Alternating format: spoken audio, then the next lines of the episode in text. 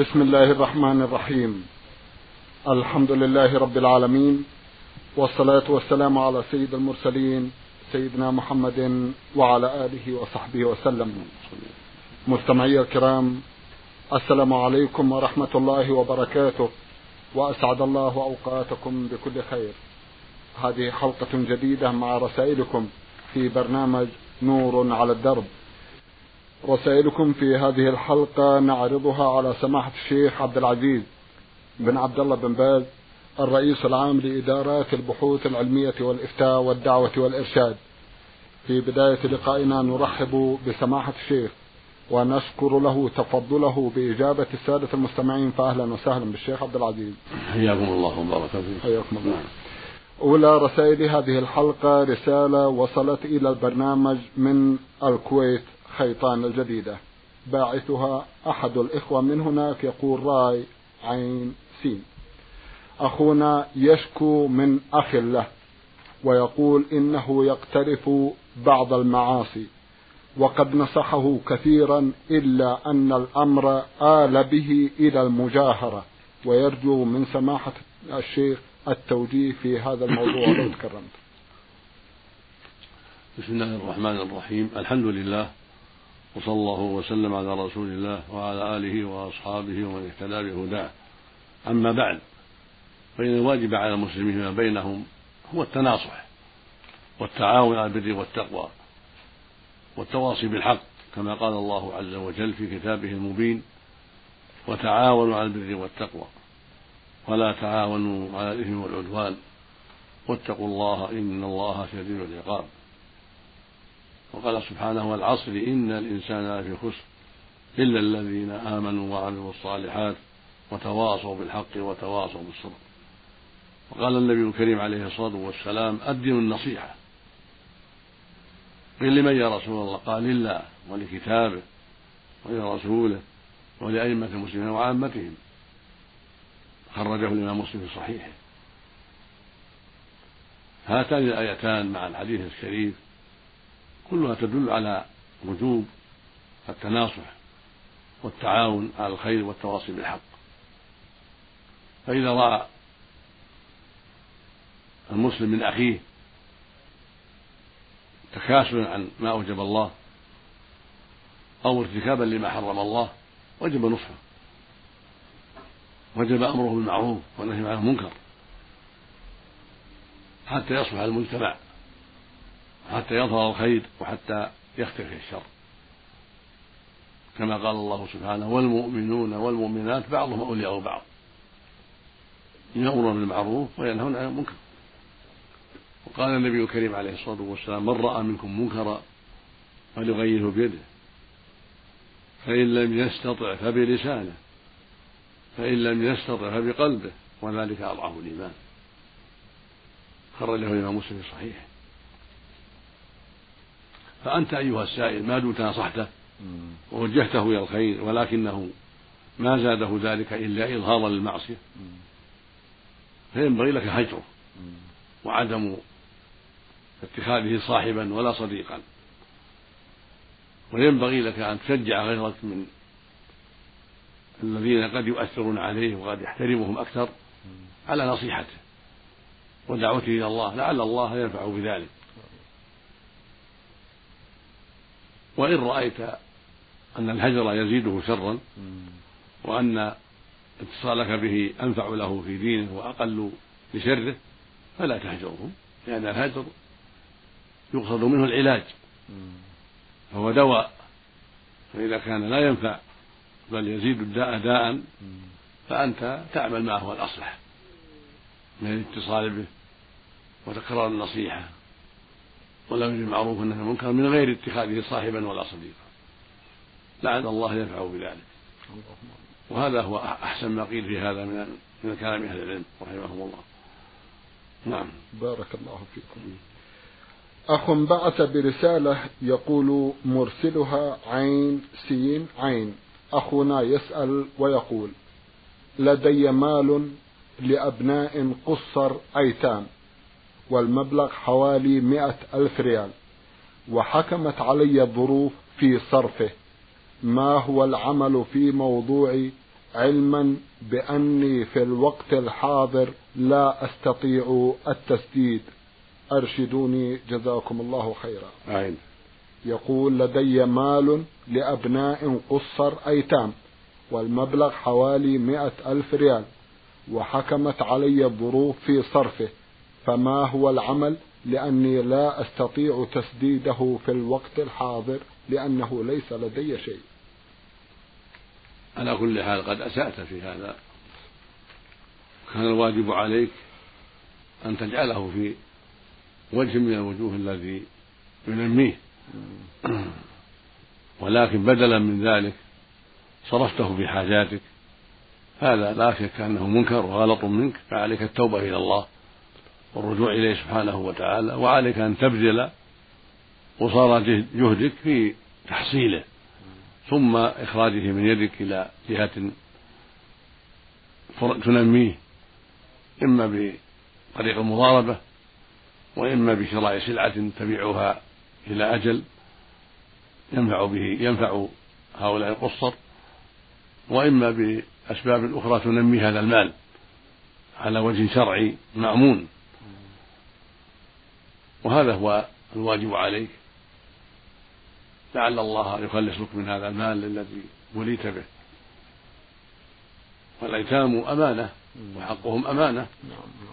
فالواجب على الوكيل الولي أن يتقي الله فيهم وأن ينمي مالهم ويحرص على الطرق التي تسبب ربحه ونموه بدلا من إتلافه أو صرفه في حاجاته نسأل الله أن يعينك ويسهل أمرك ويمن عليك بالتوبة النصوح. نعم. موقفه مع هؤلاء الأيتام سماحة الشيخ هل يصارحهم؟ ليس هناك حاجة إلى المصارحة لأنهم قصر. قد يضرهم هذا وقد يؤذيهم.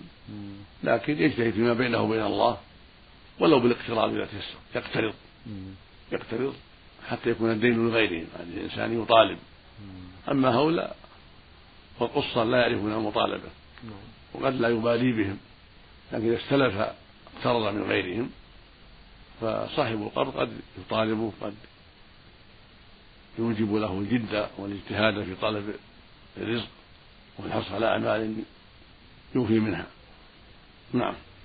بارك الله فيكم. عندما يكون المرء وليا على أيتام لعل هناك نصيحة شيخ عبد العزيز. النصيحة تقوى الله في ذلك. وأن يصونهم ويحمي أموالهم ويربيهم التربية الشرعية ويعلمهم ما ينفعهم وينهاهم عما يضرهم ويجتهد في كل ما ينفعهم في دينهم ودنياهم. ومن ذلك الحرص على تنمية أموالهم بالطرق الشرعية التي يستطيعها. إما بشراء عقار لهم يؤجر وينفعهم إما بجعل ذلك في يد ثقة ينمي هذا المال ويتجر فيه وإما أن يساهم به في شيء مأمون من أراضي أو غير ذلك حتى يحصل لهم بذلك الفائدة. المعنى أنه يجتهد في كل ما ينفعهم في الدين والدنيا ولا يقصر ولا يتساهل. نعم. إذا لا يمد يديه على أموالهم والحالة هذه إلا لاستثمارها لهم. نعم. إلا ما ذكر الله. أيوة. إذا كان فقيرا فليكن معروف مثل ما قال جل وعلا في ذلك. ومن كان غنيا فليستعفف. ومن كان فقيرا فليكن معروف يعني يأكل معهم بالمعروف من غير إجحاف نعم. بارك الله فيكم. رسالة وصلت إلى البرنامج من أحد الإخوة عمره ثمان عشرة سنة كما يقول يشعر بالخوف. والخجل ولا يستطيع مجالسة الناس ويرجو من سماحة الشيخ التوجيه وهل هناك أدعية تؤثر على هذه الحالة التي تنتابه ويعاني منها كثيرا كما يقول؟ نعم. هذا من الشيطان. فينبغي له أن يتعوذ بالله من الشيطان وأن يستشعر أنه رجل مع الرجال وأنه لا وجه لهذا الخوف ولا وجه لهذا الخجل. وهو رجل يجلس مع الرجال ويمشي مع الرجال ويصلي مع الرجال ويتكلم مع الرجال ويعمل مع الرجال. فلا وجه لهذا الخجل ولا وجه لهذا الخوف. ولكن مما يستعان به في ذلك أن يتعوذ بكلمات الله التامات من شر ما خلق. ثلاث مرات صباحا ومساء وأن يقول بسم الله الذي لا يضر مع اسمه شيء في الأرض ولا في السماء وهو السميع ثلاث مرات صباحا ومساء فإن هذا من أسباب أن الله يكفيه كل شر. ومن ذلك قراءة آيات الكرسي بعد كل صلاة وكذلك قراءة الآيتين من آخر سورة البقرة. كل ليلة آمن الرسول من ربه والمؤمنون إلى آخر السورة. وقراءة قل هو الله أحد المعوذتين على الصلوات مرة بعد الظهر والعصر والعشاء وثلاث مرات بعد المغرب والفجر. كل هذا من أسباب السلامة وإزالة المخاوف. الرسالة التالية وصلت إلى البرنامج من شقرة بتوقيع أحد الإخوة يقول صاد عين ميم. أخونا يقول في رسالته المعروف حاليا أن النأس يأخذون من بعضهم أموالا كقرضة ويسمونها دينا وهي غير السلف. وسؤالي هل الدين بالمفهوم الحالي حرام؟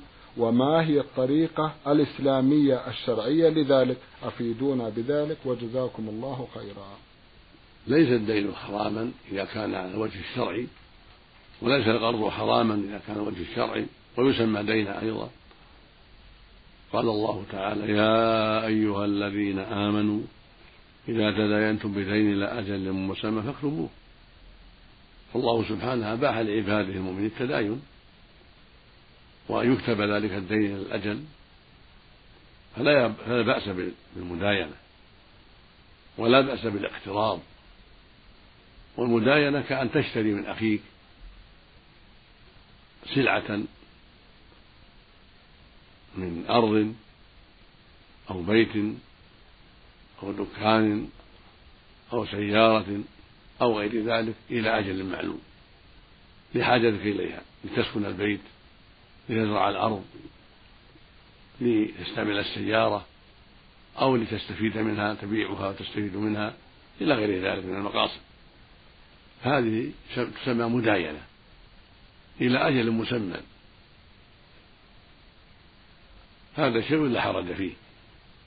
إذا كان المبيع مملوكا للبائع وفي حوزة البائع فإن هذا البيع يسمى بيعا ويسمى دينا. ومن المداينة ما يسمونه بالسلم وهو أن تأخذ من شخص دراهم معينة معجلة يشتري بها شيئا من ذمتك كقهوة سكر رز غير ذلك. تأخذ منه مثلا عشرة آلاف ريال على أنك تعطيه بكل ريال صاعا من الحنطة أو هكذا أو صاعا من الأرز. بعد سنة بعد سنتين بعد أشهر معينة هذا يسمى السلم ويسمى السلف. وهو ما عجل ثمنه وأخر مثمنه إذا كان معلوما تامة شروطه إلى أجل معلوم. أو سيارة قد علم موديلها وصفاتها الكاملة. تبيعها عليه من ذمتك إلى أجل معلوم. فتأخذ منه عشرة آلاف أو عشرين ألفا على أنك تدفع له بعد سنة أو بعد سنتين. سيارة صفتها كذا وصفتها كذا وموديلها كذا معروفة ليس فيها شبهة. أو آصعا معلومة من الأرز أو من الحنطة أو من غير ذلك. أو من القهوة أو من السكر إلى غير ذلك نعم. شيء معلوم نعم. قال النبي صلى الله عليه وسلم لما قدم المدينة وهم يسلم الثمار سنة وسنتين قال عليه الصلاة والسلام من أسلف فليسلف في كيل معلوم ووزن معلوم إلى أجل معلوم هذا كله يسمى مداينة نعم. ومنها القرض أيضا كان تقول لأخيك في الله أو لأخيك من النسب أو لابن عمك أو لصهرك أبي زوجتك أو أخي زوجتك أو غيرهم تقول له أقرضني كذا أقرضني ألف ريال أقرضني عشرة آلاف ريال قرضا بدون فائدة. لله. هذا يسمى دينا ويسمى قرضا. فإذا أعطاك أخوك في الله أو قريبك أو صهرك مطلوبك من المال هذا يسمى قرضا. إذا كان من دون فائدة مجرد احتساب هذا يسمى قرضا لأنه إرفاق. ويسمى دينا لأنه في الذمة. هذا لا حرج فيه ولا بأس. لكن لو قال على أن تعطيني زيادة كذا وكذا صار ربا. لو قال نعم أنا أعطيك قرض عشرة آلاف لكن بشرط أن تعطيني في كل ألف عشرة أو مئة أو خمسين من أجل التأخير الذي يتأخر المال عندك. هذا هو الربا المعروف. لا يجوز. أو قال أنا أعطيك عشرة آلاف قرضا لكن على أن تعطيني سيارة الفلانية أستعملها شهرين ثلاثة أكثر أقل في مقابل هذا القرض. هذا لا يصلح. لأن قرض بشرط قرض بشرط هذا لا يجوز. كذلك لو قال نعم أنا أعطيك عشرة آلاف أو مئة ألف قرضا على أن تعطيني أرضك الفلانية أزرعها وأستفيد منها حتى تعطيني قرضي حتى يستفيد من الأرض بدون أجر في مقابل هذا القرض أما أن يستأجرها بأجرة المثل من دون شرط. استأجرها بالعادة بنصف الزرع بثلث الزرع بآصع معلومة بدراهم معلومة كما يستأجرها الأجنبي. من دون شرط بينكم قد استأجرها بعد ذلك منك فلا بأس. لكن الله يعلم ما في القلوب إذا كانت من دون شرط وبالأجرة المعتادة التي يأخذها غيره. نعم. الصور الموجودة في السوق لعل سماحة الشيخ بلغه آه، بعض منها. نعم. وهي؟ وهي كأن يأتي إنسان محتاج إلى تاجر يبيع ويشتري في أقمشة أو في مواد غذائية أو نحو ذلك ويقول تشتري هذه البضاعة بمبلغ كذا. وتسدد القيمة بعد عام بمبلغ كذا وكذا. بطبيعة الحال المبلغ يكون زائد. لكن ذلك المحتاج لا يستلم تلك البضاعة. هذا ما يصلح. هذا يسمونها التورق ولكن يسيئون الاستعمال. ويسمونها العامة الوعدة. ويسيئون الاستعمال. يبيع المال وهو جالس ما يقبض. وهكذا الآخر يبيعه وهكذا الآخر لا ما يصلح هذا. التجارة الشرعية والمداينة الشرعية أن يشتري مالا موجودا عند البائع في حوزة البائع ثم يقبضه المشتري ويحوزه المشتري ويتصرف فيه باستعماله كان عرضا باستعمالها إن كانت سيارة بغير ذلك من أنواع الاستعمال يعني يقبضه. نعم. هذا هو البيع الشرعي. أما أن يشتري منه هذا المال الموجود المركوم ثم يتركه ويبيعه عند عند البائع يبيعه على زيد أو على عمرو هذا ما يجوز. نعم هذا في الحديث الصحيح لا تبع ما ليس عندك. لا يحل سلفه البيع ولا بيع ما ليس عندك. نعم. نعم. ننتقل إلى رسالة وصلت إلى البرنامج من أحد الإخوة يقول صلاح عبد الرحيم أحمد سوداني. أخونا يقول إذا كان لدي أخ أصم وأبكم وهو لا يسمع ولا يتكلم كما هو معلوم وطبعا لا يعرف شيئا عن الصلاة ولا الصوم ولا الزكاة ولا يعرف شيئا عن أحكام الإسلام ولا يعرف شيئا من القرآن. كيف يكون التوجيه والحالة هذه؟ هذا لابد يعني يفعل معه ما ما يعلم به عقله من إشارة. إذا كان يبصر حضر الناس وقت الصلاة حتى ينظر أعمالهم ويكتب له إن كان يكتب. علم الكتابة لعله يستفيد من الكتابة حتى يعرف عقله أنه يعي أو يفهم. فإذا كان يعي ويفهم بالكتابة والإشارة فهو مكلف بحسب ما وصل إلى علمه. فكان لا ينطق ولا يسمع. فقد يفهم بالإشارة أو بالكتابة إن تيسرت الكتابة. حتى يعمل بما أوجب الله ويترك ما حرم الله من طريق الكتابة أو من طريق الإشارة. هذا إذا كان يعقل. أما إذا كان ما يعقل ظهر من حاله أنه لا يعقل فلا حرج عليه لأنه غير مكلف. طيب. مع القلم عن ثلاثة. منهم الصغير الهبل والمعتوه حتى يوفق فإذا كان معتوها لا عقل له فلا شيء عليه. نعم. إذا يكفي من مثل هذا التقليد يعلمونه التقليد وهو كافي. يعلمون حسب الإمكان. حسب بالمكاتبة بالإشارة. نعم. نعم الشيء يستطيعون. وقد يعوض الله أهل الجنس فهما عظيما نعم. للإشارات. نعم. إذا فقد حاسة السمع وحاسة الكلام قد يعوض بإذن الله. هذا مشاهد. نعم نعم. معروف من أولئك الذين يبتلون بهذا عندهم فهم عظيم للإشارات. ونحن نعرف من هذا ناسا. يعملون ويكدحون ويحصلون أموالا بالإشارة ويصلون مع الناس ويصومون مع الناس وكانوا من خيرة الناس كله بالإشارة أو بالكتابة. طيب بارك الله فيكم. أحد الإخوة سوداني أيضا بعث يسأل ويقول رجل قال لزوجته أنت مثل أختي وهو لا يقصد في ذلك عدم المعاشرة الزوجية. هل يخ هل يخرج بدل الإطعام نقدا أم لا؟ نرجو أن تفيدونا. هذا جزاكم الله خيرا. هذا يختلف بحسب نيته. مم. إن كان قال لزوجته أنت مثل أختي أو مثل أمي من باب الاحترام من باب الإكرام من باب يعني التقدير لها هذا ليس بحرام وليس عليه شيء لكن تركه هذا أولى ينبغي تركه لأنه يوهم ينبغي أن لا يستعمل هذا معه. أما إن كان أراد تحريمه يعني أنها محرمة مثل أخته أو أنها محرمة كأمه أو كبنته هذا هو الظهار المعروف. وعليه كفارة الظهار وهي مرتبة بنص القرآن. أولا عتق رقبة مؤمنة فإن عجز صام شهرين متتابعين. فإن عجز أطعم ستين مسكين ما فيها نقود ستين مسكين طعام. يعشيهم أو يغديهم أو يدفع لهم طعاما نيئا نصف صاع لكل واحد. ثلاثين صاعا من الحنطة من البر من الشعير من قوت البلد من التمر. ويكفي ذلك حتى يمسها بعد ذلك. يعني لا يمسها حتى يرجع عليه كفارة. أما النقود فلا تصلح. نعم. النقد في هذا؟ لا يصح. لا يصلح نعم. خلاف النص. بارك الله فيكم.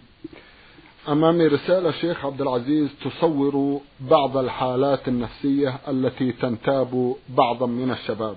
هذا شاب يقول إنني فتى في السابع عشرة أؤدي ولله الحمد ما افترضه الله جل وعلا على عباده من أركان الإسلام وواجباته. وأجاهد نفسي على جعلها في أتم صورة. إلا أن في نفسي شعورا أحس من خلاله أنني أرتكب معصية موبقة. وأيضا توقعني في عذاب الله وسخطه وقد ارتكبته من حيث لا أشعر. وأحس أنني مثل عبد النبي صلى الله عليه وسلم الذي أصابه سهم من الكفار وبعد خيبر فقال المسلمون هنيئا له الجنة. فقال النبي صلى الله عليه وسلم كلا كلا والذي نفس والذي نفسي بيده إن الشملة التي أخذها من المغانم يوم خيبر لم تصبها القسمة لتشتعل عليه نارا. خلاصة الأمر أنني في معصية ولا أعرفها أرجو إجابتي نحو هذا الشعور. هل هو دليل خير وتقوى أم دليل على غير ذلك؟ وأرجو التعليق على هذا. جزاكم الله خيرا. هذا من الدلائل على شدة خوفك من الله عز وجل وتعظيمك لحرماته فأنت على خير إن شاء الله. وعليك أن تبتعد عن هذا الخوف الذي لا وجه له لأنه من الشيطان ليتعبك ويغلقك ويضيق عليك حياتك. فاعرف أنه من عدو الله لما رأى منك المحبة للخير ورأى منك الغيرة لله ورأى منك المبادرة إلى الخيرات أراد أن يتعبك. فاعصه وابتعد عن ما أراده منك واطمئن إلى ربك واعلم أن التوبة كافية. وإن كان الذنب أعظم من كل عظيم. فتوبة الله فتوبة الله فوق ذلك. وليس هناك ذنب أعظم من الشرك. والمشرك متى تاب تاب الله عليه وغفر له. فأنت عليك بالتوبة مما قد علمت أنك فعلته وبعد التوبة ينتهي كل شيء. ولا ينبغي لك أن توسوس أو تطيع عدو الله في هذا الخجل أو في هذا الخوف الذي قد يضرك. ولكن تعلم أنك بحمد الله قد فزت فوزا عظيما بالتوبة الصادقة النصوح كما قال المولى سبحانه وإني لغفار لمن تاب وآمن وعمل صالحا ثم اهتدى. وهناك آية أعظم في المعنى وهي أن العبد متى تاب وأتبع التوبة بالإيمان والعمل الصالح أبدل الله تلك السيئة حسنة جعل مكان كل سيئة حسنة. كما قال سبحانه في سورة الفرقان والذين لا يدعون مع الله إلها آخر ولا يقتلون النفس التي حرم الله إلا بالحق ولا يزنون. ومن يفعل ذلك يلقى أثاما يضاعف له العذاب يوم القيامة ويخلد فيه مهانا إلا من تاب وآمن وعمل عملا صالحا.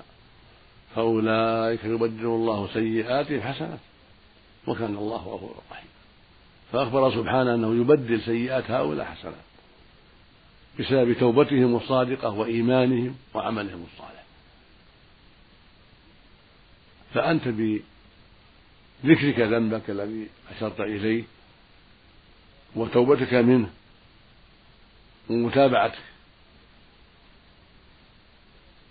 ما جرى منك بالأعمال الصالحة وبالإيمان والتصديق والرغبة فيما عند الله الله سبحانه يبدلك بدلتك السيئة حسنة. وهكذا جميع السيئات التي يتوب منها العبد ويتبعها بالإيمان والعمل الصالح الله يبدلها له حسنات سبحانه وتعالى. فضل منه وإحسان نعم. جزاكم الله خيرا. سماحة الشيخ في ختام هذا اللقاء أتوجه لكم بالشكر الجزيل. بعد شكر الله سبحانه وتعالى. على تفضلكم بإجابة السادة المستمعين وآمل أن يتجدد اللقاء وأنتم والمستمعون على خير إن شاء الله. نرجو ذلك. مستمعي الكرام كان لقاؤنا في هذه الحلقة مع سماحة الشيخ عبد العزيز بن عبد الله بن باز الرئيس العام لإدارات البحوث العلمية والإفتاء والدعوة والإرشاد. سجلها لكم من الإذاعة الخارجية زميلنا فهد العثمان. شكرا لكم جميعا وسلام الله عليكم ورحمته وبركاته.